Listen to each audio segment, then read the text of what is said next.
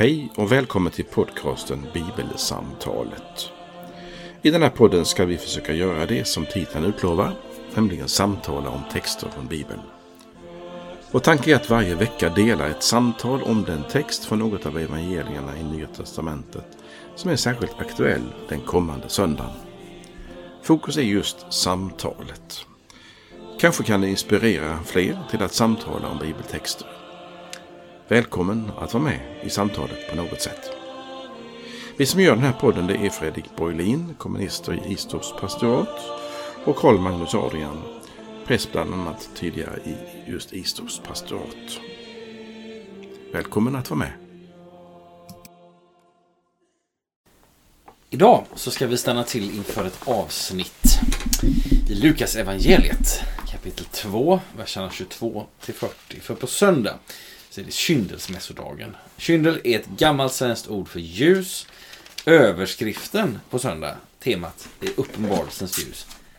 Eftersom det lilla Jesusbarnet i evangeliet, som jag ska nu läsa alldeles snart, kallas för ett ljus med uppenbarelse. Tänk nu Fredrik om de lyssnar på det efter kyndelsmässodagen. Ja. Då var det förra söndagen. Ja, det var det. Det, men det är i alla fall kyndelsmässodagen det handlar om. Ja, men. Så mycket vet vi. Ja, men. Eh, den kallas väl också Jungfru Maries kyrkogångsdag, lite anakronistiskt, eftersom hon ändå går till templet. Men jag ska läsa från Lukas kapitel 2. När tiden var inne för deras rening enligt Mose lag tog de honom till Jerusalem för att bära fram honom inför Herren. Det står nämligen i Herrens lag att varje förstfödd av mankön ska helgas åt Herren. Och för att offra två turturduvor, eller två unga duvor, så som det är föreskrivet i Herrens lag. I Jerusalem fanns en man vid namn Symeon, som var rättfärdig och from och som väntade på Israels tröst.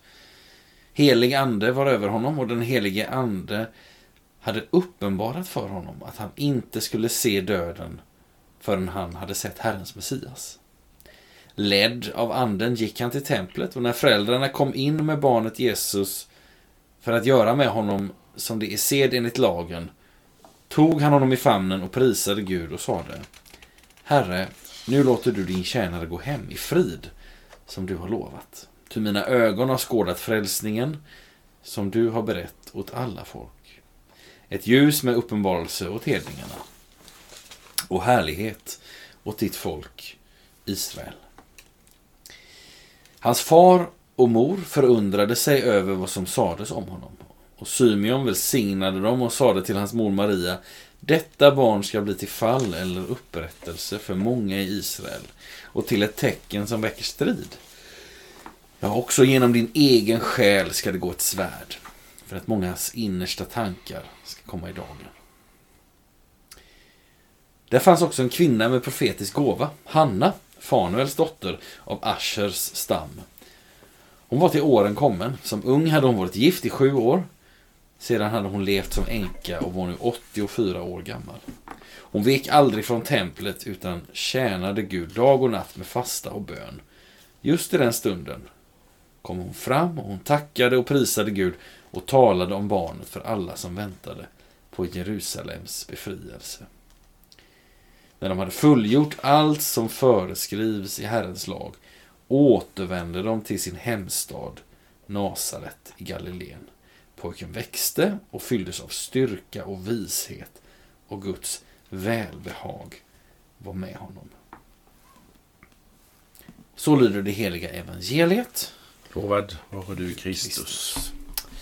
Ja, det första som jag fastnar för här, eller som jag vill liksom ta tag i, eh, eller bara liksom påpeka, det här kommer jag att tänka på. Eh, Det är att det som händer idag, eller ja, den händelse som vi stannar till inför i den här texten eh, Den är insatt i ett särskilt sammanhang. Eh, Det sammanhanget är att det finns många saker som pekar på Jesu djupaste identitet redan innan han föds och vid hans födelse och strax efter Jesu födelse.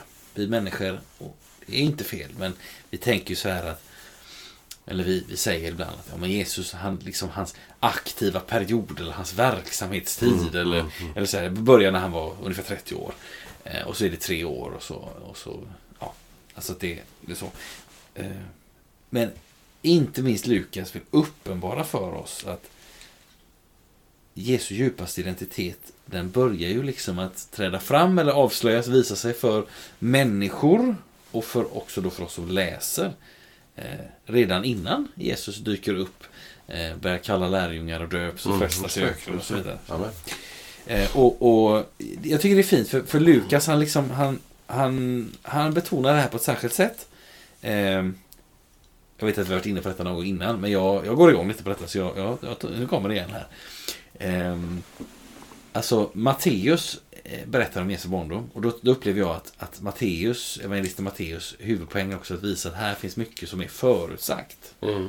Eh, Lukas berättar, och, och, och det, det är liksom eh, Matte- Matteus berättar någonting och säger ja men det, det, då, då uppfylldes det där ordet och sen så hände det här och då uppfylldes det där ordet. Mm. Eh, Lukas berättar också om Jesu barndom. Det får vi ju till oss idag här, bland annat. Och då, eh, men då handlar det inte så mycket om profetior, eller inte alls, utan det handl, då är det så att säga, nej men nu ska Jesu, Jesu identitet uppenbaras för oss. Eh, och det är flera saker. Det handlar om, om löftet om Jesu födelse. Ängeln som kommer till Maria. Det handlar om att Maria sen åker till sin släkting Elisabet. Så jag vet att det är en text som vi har stannat för i tidigare avsnitt. Det handlar om Jesu födelse som vi också har varit inne på. Eh, det handlar om dagens händelse att Jesus bärs fram i templet. Och så handlar det om när Jesus, i nästa avsnitt hos Lukas, när han 12 år gammal återigen är vid templet. Om allt det här berättar Lukas i sina två första kapitel i sitt evangelium. Och, och då, då jag, jag vill jag bara stryka under att för det här är liksom inte bara en massa barndomskuriosa. Ungefär som vi kan få höra av, av föräldrar eller släktingar att ja, när du var så liten då var du så söt eller du var så bråkig eller, eller sådär. Utan, utan det, här, det här är inte barndomskuriosa utan det här är, här visar sig verkligen, eh, här börjar Jesu identitet eh, liksom bryta fram eller visa sig för oss. Mm. Det är början på Lukas redogörelse över vem Jesus är. Och det är alltså i det sammanhanget som vi, som vi rör oss idag. En av de här eh, milstolparna i Jesu barndom som avslöjar vem han är och som Lukas ger oss på ett särskilt sätt. Vad, vad fastnar Jag kan, du jag kan väl ställa frågor till det. Ja, Till dig. ja. Eh, att det är nu så som du säger. Mm. Vad innebär det då? Så vi ser, vad ställ frågan igen. Jo, alltså, eh, du- konstaterar ju att Ja. det här handlar om, om Jesu identitet så att säga. Eh, konsekvenserna av det då? Mm. Vad är det för något? Vad är det? Ja, konsekvenserna är att eh, har man sett honom har man sett frälsningen. Till exempel, som Symeon säger. Herre, nu låter du din tjänare gå hem i frid som du har lovat. Ty mina Mm. ögon har skådat frälsningen. Som Mm. du har berättat till alla folk. Mm. Det vill säga, han säger inte eh, Han säger inte att den här lilla pojken ska växa upp och bli en jättebra vishetslärare. Så att om ni hänger kvar nu i 30 år Mm. så ska ni få höra ett och annat som, som ni kan suga på. Mhm. Liksom. Utan, nej men dens, mina ögon har skådat frälsningen som Gud har berättat åt Mm. alla folk. Mm. Och titta, då är till och med Öxnevallabor eh, och, Horresbor och andra. Eh, vi får också vara med på detta. Mm. Och det uppenbaras redan här i, i Jesu barndom. Just det. Eh, Ja, det var, ja, det, det var ju väldigt eh, både klokt och... Eh, det står också i texten. Ja, jag tänkte på det, det står så här att, eh, den, att Simon som var rättfärdig, det vill säga han var... Ja, vi tar inte upp det nu. Ehm, Vi, vi kan återkomma till det. Ja. Ehm, Gud hade uppenbarat att han inte skulle se döden förrän han hade sett Herrens Messias. Och det står i versen innan, han väntade på Israels tröst. Alltså det, det är liksom, det här med, med vem han är.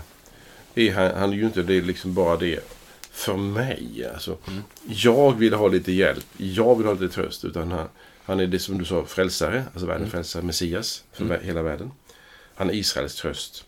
Eh, Det finns en sorts um, fantastisk eh, poäng med Jesus och det är att han är inte en grupps frälsare. Utan han är världens frälsare. Men sen landar den bekännelsen ofta i, i personer som säger jag tror på Jesus. Eller jag har mött Jesus. Eh, och det är väl bara i undantagsfall som, som det betyder att jag har mött Jesus men inte du riktigt Fredrik. Nej, som jag. Jag har mött honom på ett annat sätt. Ja. Utan, nej men han är världens frälsare. Han är allas frälsare. Mm. Inte, inte liksom min lilla favoritfrälsare utan han är allas. Mm. Och det, det, det där kollektiva, det där individuella, det där som är, handlar om alla. Det tycker jag väldigt mycket om. Mm. Men du, ska du säga någonting om det här med eh, själva handlingen, det som händer? Vad, vad, Det vad, skulle- gör, du- vad gör du i templet? Ska Ja, du säga det? ja jag, jag kan ta upp det. Ja, ju- Man kan säga så här, det finns egentligen det finns, det finns tre saker. Eh, det finns tre saker här. Eh, för för eh, Lukas han, han relaterar ju till Mose lag och säger att de ska göra så som, eh, så som det är föreskrivet i Herrens lag. Då, då är det egentligen tre saker man kan vara, man kan vara eh, medveten om. Och det första är att det handlar inte om omskärelsen. Den har Jesus redan varit med om. Det är ju en, någon vers innan våran text börjar. Då, då är Jesus åtta dagar gammal. Och då omskars man. Och det gjorde man nog inte, det tror jag inte man gjorde i templet. Utan det kunde vara i synagogan eller i hemmet eller sådär. Eh, Så det är, inte, det är inte det som händer här. För jag har själv tänkt många gånger så här. Ja just det, det är omskärt. Nej det är det inte det, är alls. versen in, det är versen innan Ja, vår precis. det är versen innan vår text. Så det är inte det det handlar om. Eh, Men det, här, det finns några informationer i Gamla Testamentet som kan hjälpa oss att se, men vad är det som händer här idag då? Eh, hjälpa oss att klargöra det här. Och då står det så här, Lukas berättar om att besöket i Jerusalem föranleds av att tiden var inne för deras rening. Och det handlar om att en kvinna som hade fött en son skulle stanna hemma i 40 dagar och därefter frambära ett reningsoffer i templet. Eh, tredje Mosebok 12 berättar om detta. Eh, och det som Lukas då skriver, deras rening. Eh, för här förstår jag, men det handlar, det handlar också om barnet. Ja, själva reningen, då, då får hon nog tänka mer på det som, som det för offer som Maria ska frambära. Tredje Mosebok eh, kapitel 12. Och det andra då. Sen talar Lukas också om att man skulle bära fram honom, Jesusbarnet, inför Herren. Alltså både människors och djurs förstfödda skulle bäras fram inför Herren eller helgas åt Herren. Och det får vi, har vi från andra Mosebok kapitel 13. Djuren frambars för att offras, människor eh, frambars för att på ett särskilt sätt tjäna Gud. Och sen så tänker man, jaha, men var, var det inte leviterna som skulle göra tjänst i templet? Jo, senare, fjärde Mosebok, nu har vi varit i nästan alla Mosebok Mm. redan i det här avsnittet. Fjärde Mosebok 8, så tillkommer det att leviterna gör särskild tjänst inför Gud i de förstfödda ställe. Eh, så det handlar alltså om, så att säga, Marias rening, sonens, barnets, Jesu frambärande, men inte omskärelsen. Alltså, så har vi, har vi det lite så för oss. Ehm, vad tänker du på här, Carl-Magnus? Vad fastnar du för? Ja, det, det är så många saker här så att Det det, är ju fullt, det är fullt av, Underbart! av härliga saker att Ja. kommentera om vi vill det. Ehm, jag kan ju ta det från, i ordning från, från början men vi har ju talat om en del redan. Mm. Jag släpper det här med eh, det som är lagtroheten. Alltså Maria och Josef gör ju som det de ska. De, de är judar Mm. och judarna har fått Torah, uppenbarelsen, Mo- Mose lag. Och då ska de göra det, punkt slut med det. Eh, och sen kommer ju från inledningen, efter inledningen på vårt kapitel om, om Simon, då, eller Symeon, som var rättfärdig och väntade. Och så blir han ledd av anden. Står det. Och sen hittar han Jesus, barnet. Eh, jag är ju intresserad därav. Nu tänker jag templet eftersom jag inte har varit där och jag kan se det på en skiss hur det kan ha sett ut. Jag tänker nu på en gigantisk katedral på kontinenten i Europa. Det har ju varit i många sådana. Mm. Och så går det en gammal man. Han är, vi, vi låtsas att han är väldigt gammal. Mm. Eh, och så, så går han där och så... Han verkar ha all tid i världen att vara där. Vilken dag jag än kommer dit så är han, är han där då också. Mm. Och så söker jag fram och frågar honom. Men Simon, vad, vad gör du här? Jo, förstår du. Jag väntar. Jaha. Väntar du på vad då på? Och då märker jag att i mitt ord väntan så ligger ju att ja, ja, det vet ju ingen om det händer. Men, men Simon är väldigt trygg med det.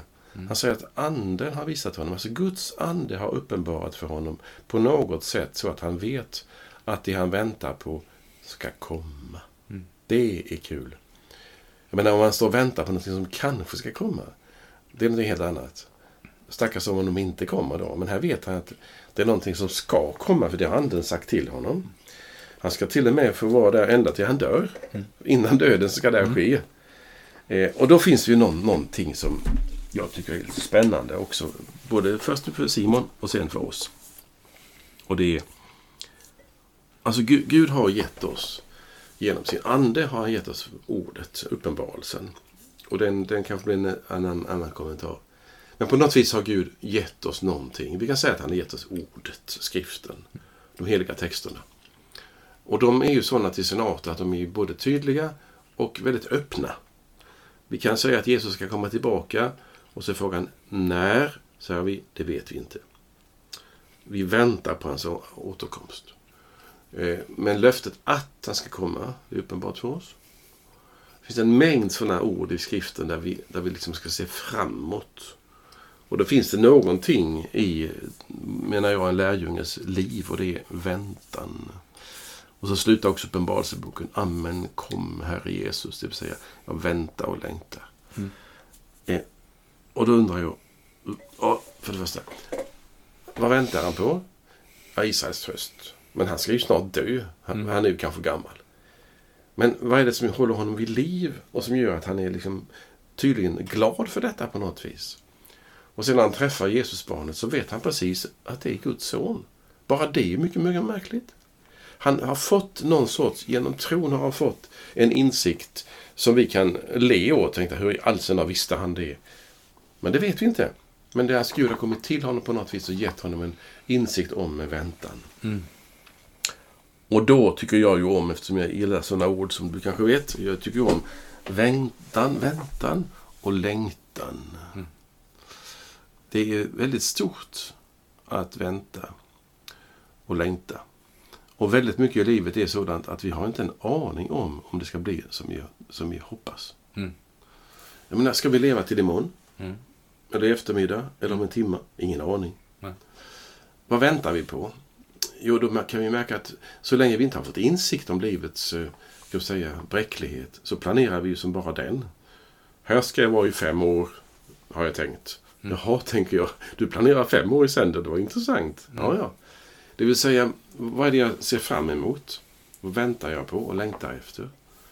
Och då är min fråga djupare sett inte bara då hur ska jag klara livsuppehållet och få mat och få bostad och sånt utan har mitt liv någon riktning, väntan och längtan? Och det är det första Simon lär mig. Han, han ser framåt och han ser utanför sig själv. Han tänker på Israel, alltså folket. Och han tänker på världens frälsare. Det tycker jag är mycket stimulerande för mig. Det var det första jag gick igång på. Mm. Att han väntar och han längtar. Det betyder på vanlig svenska, eh, han är inte nöjd med sig själv. Det är väldigt bra mm. att inte vara nöjd med sig själv. Mm. Man ska ha självförtroende, men jag måste få, få någonting utifrån. Det räknar inte med mig. Jag är inte man, man kan säga att man, ska vara, man kan vara förnöjd, men man ska inte vara självgod. Ja, är, det, det är, så? är det så jag ska uppfatta det? Att jag menar? Ja. ja. I och med att man väntar så är, man ju, så är det någonting på gång. Ja. En som är full, är, vad sa du? Själv... Förnö förnöjd? Nej, negativ. Självgod? Självgod väntar ju inte på något annat. Ju. Nej. Jag behöver inte dig. Nej. Jag behöver inte träffa dig. Nej. Men du behöver träffa mig. Ja. Tänk om man, tänk, ja, jo, tänk man lever så. Ja. Sympatiskt. Ja, ja, fruktansvärt. fruktansvärt. Ja, det var mitt svar på din första fråga. Mm. Vad, vad, går du igång på? Eh, jag går igång på... Jag har ju också tänkt det var det jag, med... Jag gick igång på alltså. Mm. Eh, med Symeon och eh, den här beskrivningen av honom. Rättfärdig och from och väntade på Israels tröst. Det är väldigt få människor i evangelierna som beskrivs mm. med egenskaper. Just det. Vi kan ju utifrån... Eh, så att säga, vi kan... Eh, alltså vi kan ju ana utifrån... Eh, vi, vi tar några exempel, lite spridda exempel här vi får höra en del saker om fariseerna. Eh, och om Pontius Pilatus. Och om lärjungen Petrus. Och kanske om eh, eh, ytterligare någon lärjunge. Eh, Sebedaios-sönerna, Jakob och Johannes. Mm. Vi får höra olika saker om dem. Mm. Eh, saker de gör och säger och, och, och, sådär. Som gör att vi drar vissa slutsatser. Att, mm. eh, vi kanske tänker att Pontius Pilatus han, han, han viker sig för för folkmassan så han är kanske lite vek. Eller, mm -hmm. eller eh, kung Herodes verkar ju vara eh, spritt galen med tanke på att han eh, serverar Johannes döparens huvud på ett fat. Eller Petrus han verkar ha stora visioner men inte alltid hålla tätt och sådär. Nej men du förstår vad jag menar. Men det är väldigt sällan, det är ju ingen evangelist som säger att men Petrus han, han lovade mycket men klarar inte alltid upp allting. Utan alla evangelisterna är väldigt sparsamma med adjektiv om människor. Ja, Och då, verkligen. när det sker då, Verkligen. då tänker man så här, oj, Symeon, om honom får vi höra, han var rättfärdig och from och väntade på Israel. Så, ja, det är ju, frågan är, finns det någon människa vi får veta mer om? Mm. I hela, hela, bland evangelierna. Och, och det står också mot slutet av texten, så står det så här, vers 38. Just i den stunden kom hon fram, då är det alltså Hanna vi talar om nu. Och hon tackade och prisade Gud och talade om barnet för alla som väntade, där är ju väntan igen, väntade på Jerusalems befrielse. Och nu är det lite två olika spår här, men jag tänker så här. Om, om Simon beskrivs så här som väntande och så finns det också då Hanna som är väntande och han är rättfärdig och from. så. Är det någon liksom särskild folk? Jag, inte, jag menar inte att det är en viss sorts människor som ser ut på ett visst sätt eller så, men vad det eh, försöker Lukas här att visa för oss att ja, men det fanns en viss en viss grupp av människor eh, som liksom inte tar så värst mycket plats men som ändå finns med finns med i något skeende som, ja. Det, jag tycker det är intressant för man kan liksom Man tänker så här, när vi har, vi har, vi har pratat om Lukas inledningskapitel och sådär va? Och man tänker på Det är en del människor som, som kommer fram där. Det är Maria och det är eh, Sakarias och Elisabet. Eh, Jag kan inte säga på rak arm exakt med vilka ord de beskrivs. Eh, det är Symeon här, det är Hanna som, som beskrivs väldigt ingående egentligen. Fast sen, sen försvinner de ut ur berättelsen. Mm. Eh, Sen kommer det in någon annan långt, långt senare. Då är det Josef från Arimathea som var en lärjunge till Jesus fast i hemlighet. Mm. Eh, Och så, så här, jag tycker det är lite spännande. Det är på något sätt som att där finns vi är vana att möta många som är, vi kallar Jesu motståndare, som vill debattera och diskutera och som vill röja honom i vägen. Så, men så finns det också andra här som är liksom, ja, de står för något, de står för något annat. Mm. Någon slags stillsamma människor som ändå bär på något otroligt. Får jag Ja. för mig nu utan att kunna lägga ut texten. Alltså det verkar ju så, när du såg det stillsam, så det är ju en tolkning som, som både du och jag kan, kan ha. Mm. Men, men vi, vi, vi får ju liksom inte göra dem till... Vi, vi vet inte exakt eh, vad är det för personlighetstyper, så kan vi säga. Nej, det vet vi ju inte. men men jag, håller, jag skulle tänka likadant när jag tänker Mm. om Simon. Mm.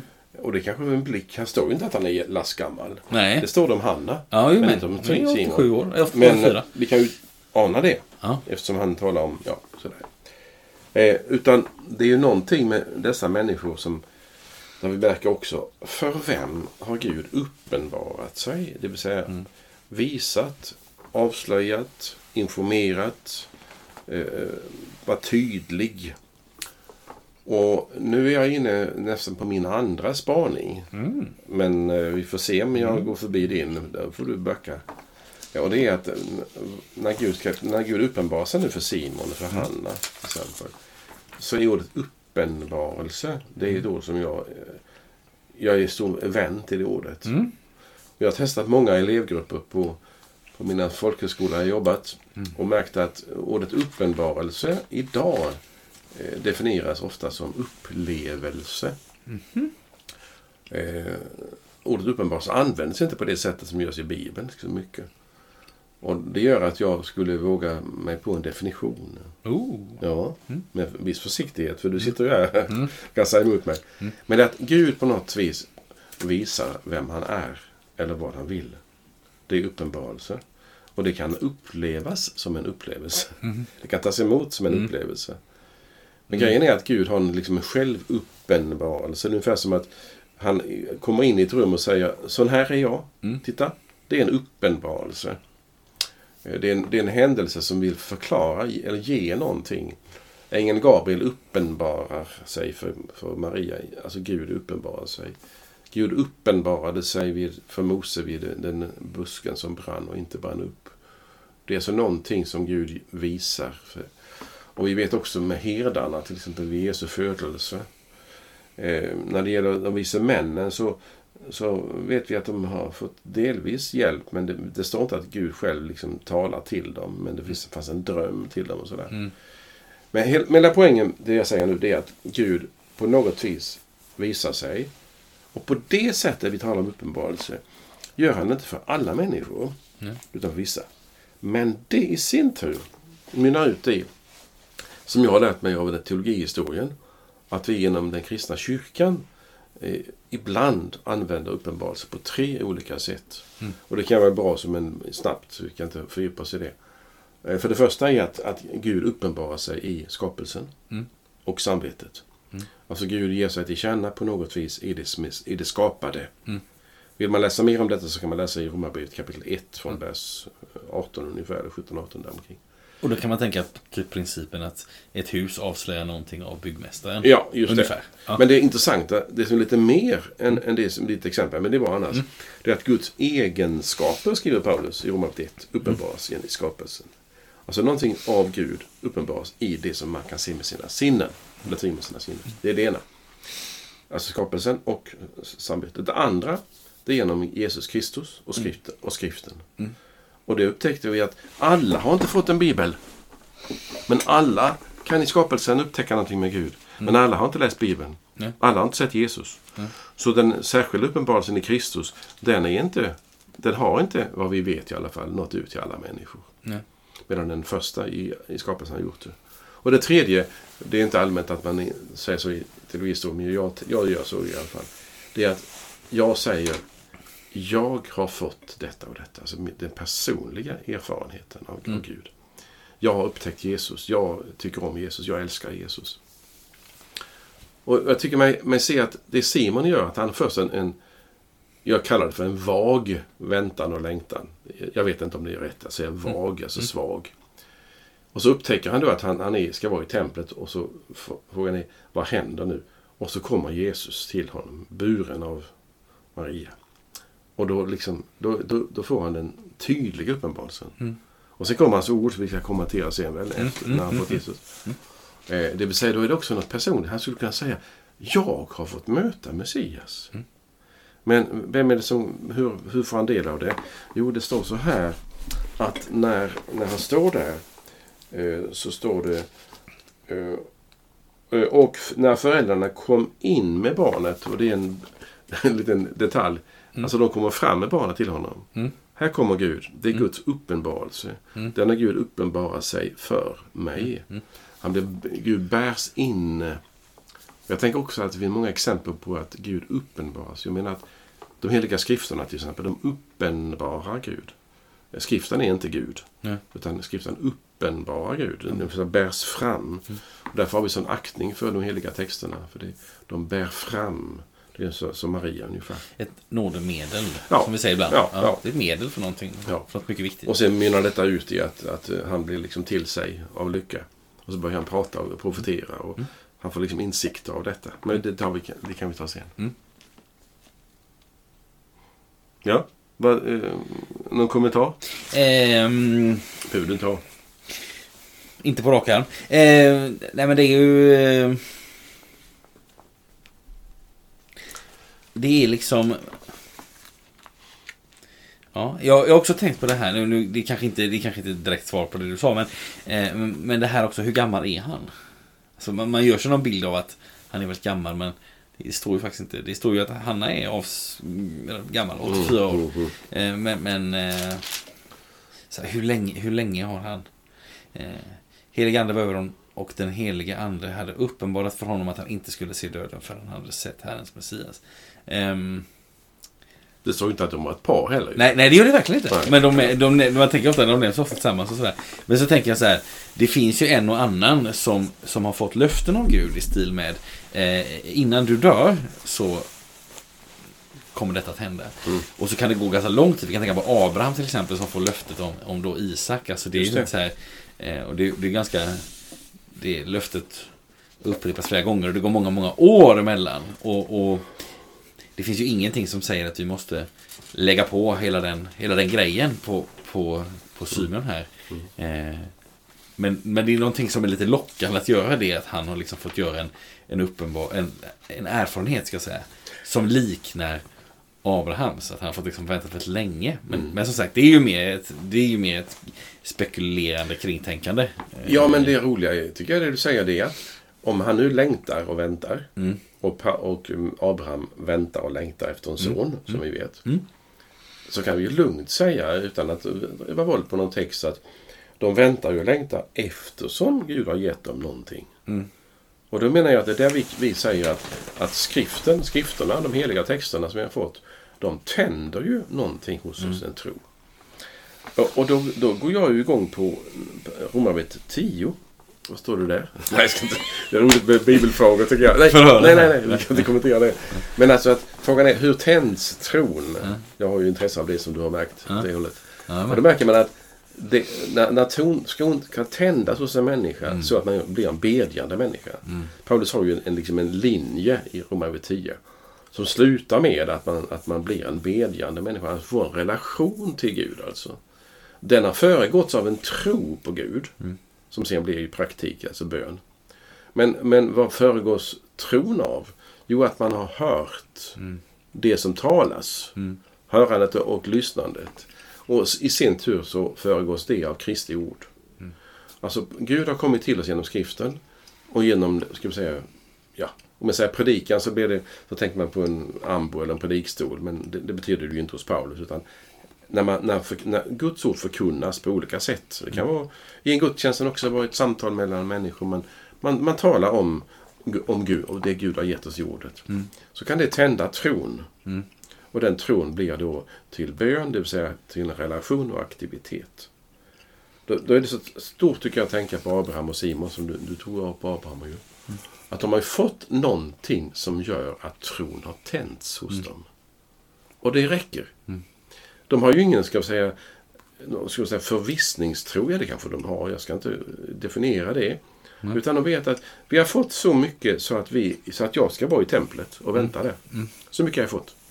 Och då tänker jag, när vi talar om trons styrka så är det inte intressant att hur mycket tror, tror du jättemycket? Eller tror du lite? Har du gått, tror du på allt i den niceiska trosbekännelsen? Eller på, är det någon mening som är svår? Nej. Utan tron handlar om, jag vet vart jag söker mig. Jag har fått så mycket tro så jag vet vart jag söker mig. Och i Simons fall är det templet. Där Gud uppenbarar sig. Så mycket har han fått. Och det räcker. Och genom att eh, gå dit så, så vet han att nu går jag dit där ordet har drivit mig dit till templet. Och så får vi se vad som händer sen. Det är den spännande trosvandringen där jag vet precis så mycket jag behöver veta. Det vill säga var jag ska söka. Och var jag får vara någonstans. Och det är därför vi säger, lev i skrifterna. Mm, Vi håller på med bibelsamtal du och jag. ja. Och vi hoppas ju att det, förutom att vi har trevligt du och jag som sitter här och gör det, så kanske det kan, tänk om det kan gagna någon att våga samtala med sig själv och sen med någon, kanske någon nära vän eller bekant eller leta upp, upptäcka samtalets funktion som ett sätt att få hjälp att komma in i skrifterna och skriften. Så att tron ska tändas till en längtans tro. Bara det uttrycket är ju fantastiskt. ju. ja, fint. Tänk en längtans tro. Och inte bara stanna vid att, och jag vet inte riktigt hur mycket jag tror. Nej, men längtans tro, Simon, den är ju väldigt stark. Den är väldigt stor. Ja. Och ibland, ibland är vi upptagna med, eller vi och vi, ibland kan man tänka, nej, men ibland just det här med trons styrka. Eh, att tala om det. Eh, och hur stark är, är den tron och dens tro och sådär. Men, men så här, viktigare än det är ju faktiskt riktningen. Alltså, Ja, det är det verkligen. eh, att liksom av allt, som, av allt där i templet och så tänker vi oss då lite sådär, vi lägger på lite det här rastret nu att Simon har varit där länge och väl och han, liksom, han, har, han liksom känner templet och det är Guds uppenbarelse och så och så och så leds han av anden till att då få göra upptäckten att oj, det var ju det här lilla barnet Mm. som och, och eh, som som Gud uppenbarar sig. Eller, här är Gud liksom. Och det är inte, då är det inte då handlar det inte bara om styrkan utan det handlar om ja, men, att mitt fokus har fått, liksom, fått riktas dit. Ja, det var det här, det var rätt så oväntat liksom. Ehm, jag, jag jag är i det här templet och finns omkring här och här ska Gud uppenbara sig på något sätt. Undrar, undrar vad han gör det i, i, liksom, i vilket hörn eller så. Eller, och hur kommer det vara liksom. Men då vill anden leda då leder anden honom till det här också väldigt oväntade. Att jaha, det var ju ett, ett, ett par som kom in här med det här lilla barnet och jag, jag, jag liksom inte bara gissade mig till att utan jag, anden gjorde så att jag var helt på det klara med Mm. att det här är, är och, och, och Hanna gör ju egentligen samma upptäckt. För hon kan ju till och med, så står det så här. Ehm, eh, Just i den stunden kom hon fram och hon tackade och prisade Gud, läser jag vers 38. Och talade om barnet för alla som väntade på Jerusalems befrielse. Hon har ju fått liksom en väl så stark ehm, eh, alltså vägledning fram till att det här är den riktiga riktningen. Mm. Det är inte den allra mest väntade. Att i detta det. tempel så är det ett litet barn som är Ja, frälsningen. just det. Som, som Simeon själv säger i sin Mm. mycket välkända Mm. eh, lovsång. Eller vad vi ska kalla de verserna. 29 till 32. Vi kanske skulle ta dem så vi inte glömmer dem. Det kan vi göra. Eh, Plus eh, slutklämmen Mm. hos honom. Mm. Ehm, Ska vi börja med att säga någonting om den här om den här lilla sången? Ska vi börja med att säga någonting om sången, ja. sången? ja. Då skulle man kunna... Ska jag, ska jag, jag kan börja. Du, du, ja. Jag tycker det är, alltså, man kan tänka så här, vilka är... Ibland görs det sådana här listor. Så här, vilka är de mest älskade bibelorden? Och, så här, vilka är de mest välanvända bibelorden? Och, eh, och så vidare. och så vidare. Vi ska inte göra någon sån lista här idag.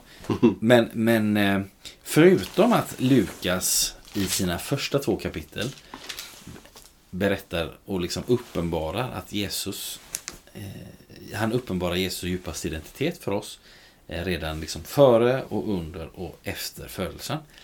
Så, så, så har Lukas fått förmedla till oss också vad jag skulle säga är tre av de mest lästa och sjungna bibeltexterna. Mm. Eh, och det är de här tre lovsångerna, det vill säga det är, det är Sakarias lovsång och sen är det Marias lovsång och så är det Symeons lovsång. Eh, och som också har latinska namn. De heter, ja, den här heter ju Nunc Dimittis Mm. eller något sånt där.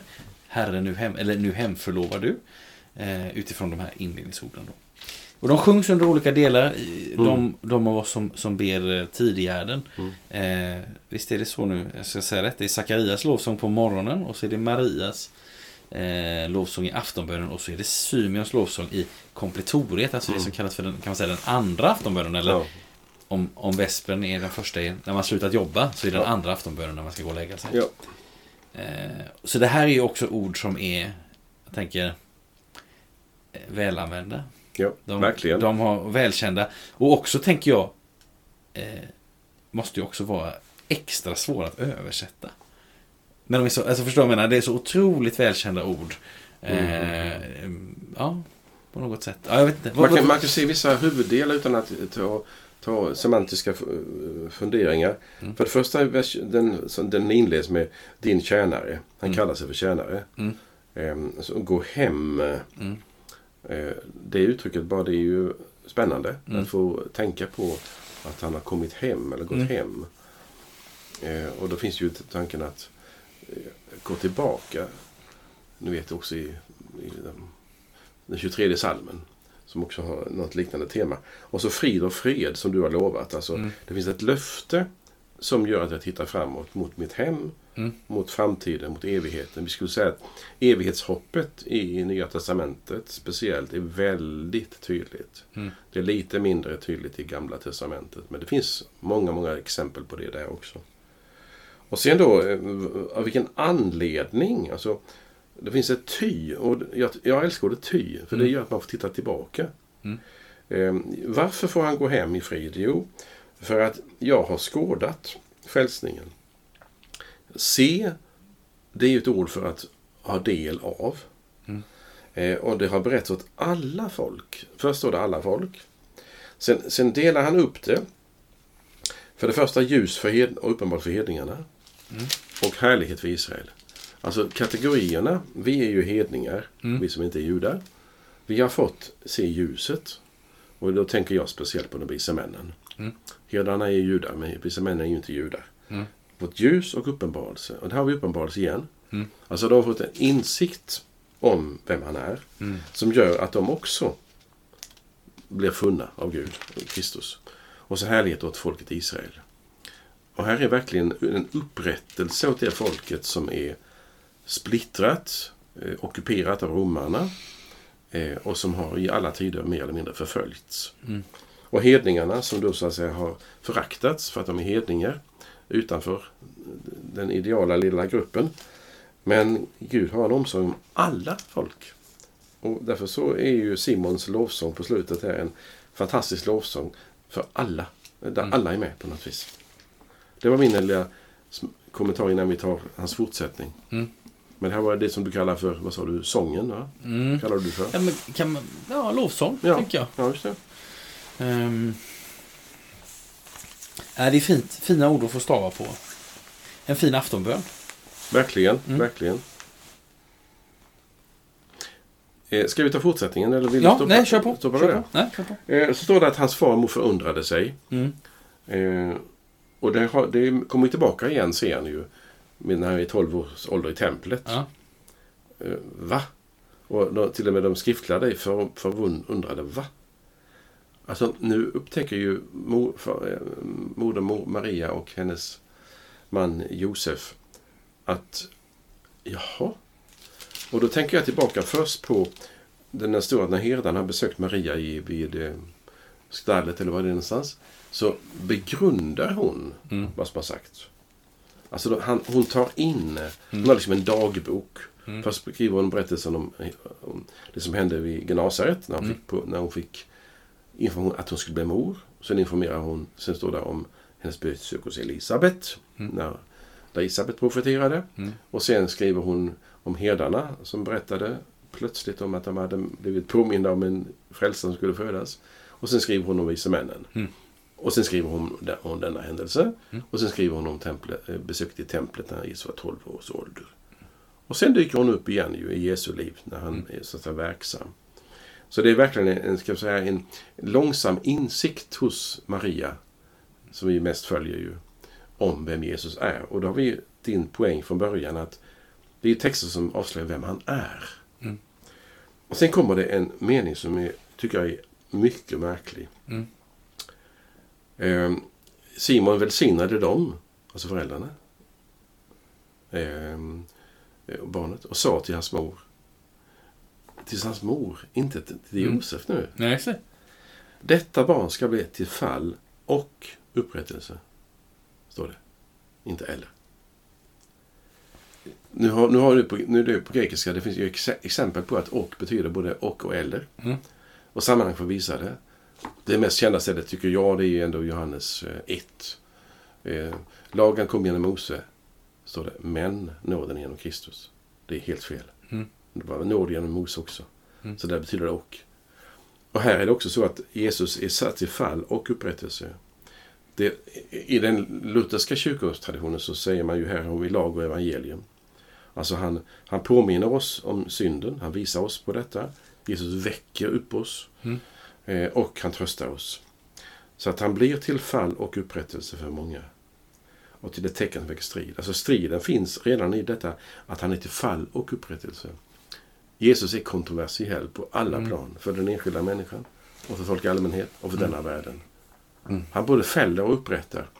Jesu fiender skulle säga att han är, han är oförskämd och han, är, han gör sig till Gud och han är en heretiker. Han, han är liksom irriterande. Mm.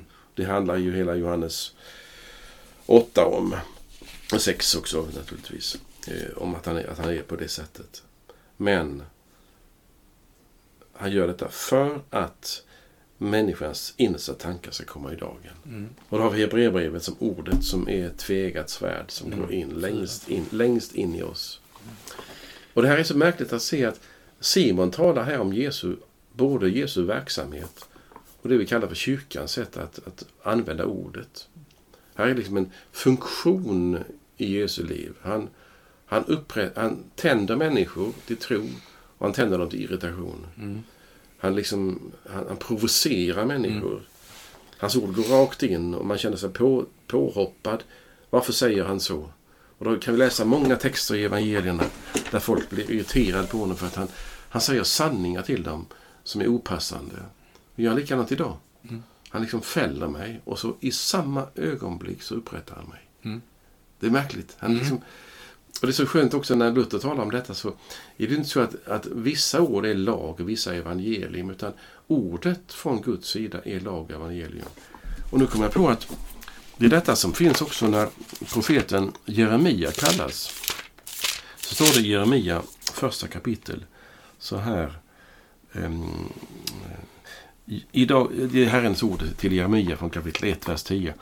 Idag ger jag dig makt över folk och riken. Du ska rycka upp, vräka omkull, förstöra, bryta ner, bygga upp och plantera. Mm. Det är samma sak. Mm. Alltså ordet har en, har, ska, har en kraft i sig att bryta mm. och läka och hela. Det tycker jag är väldigt spännande. Mm. Fint. Jag ska tänka jag ska som en avslutning läsa de där verserna som är så väldigt väl använda. Ska vi använda dem en gång till. Herre, nu låter du din tjänare gå hem i frid som du har lovat. Ty mina ögon har skådat frälsningen som du har berett åt alla folk. Ett ljus med uppenbarelse åt hedningarna och härlighet åt ditt folk Israel.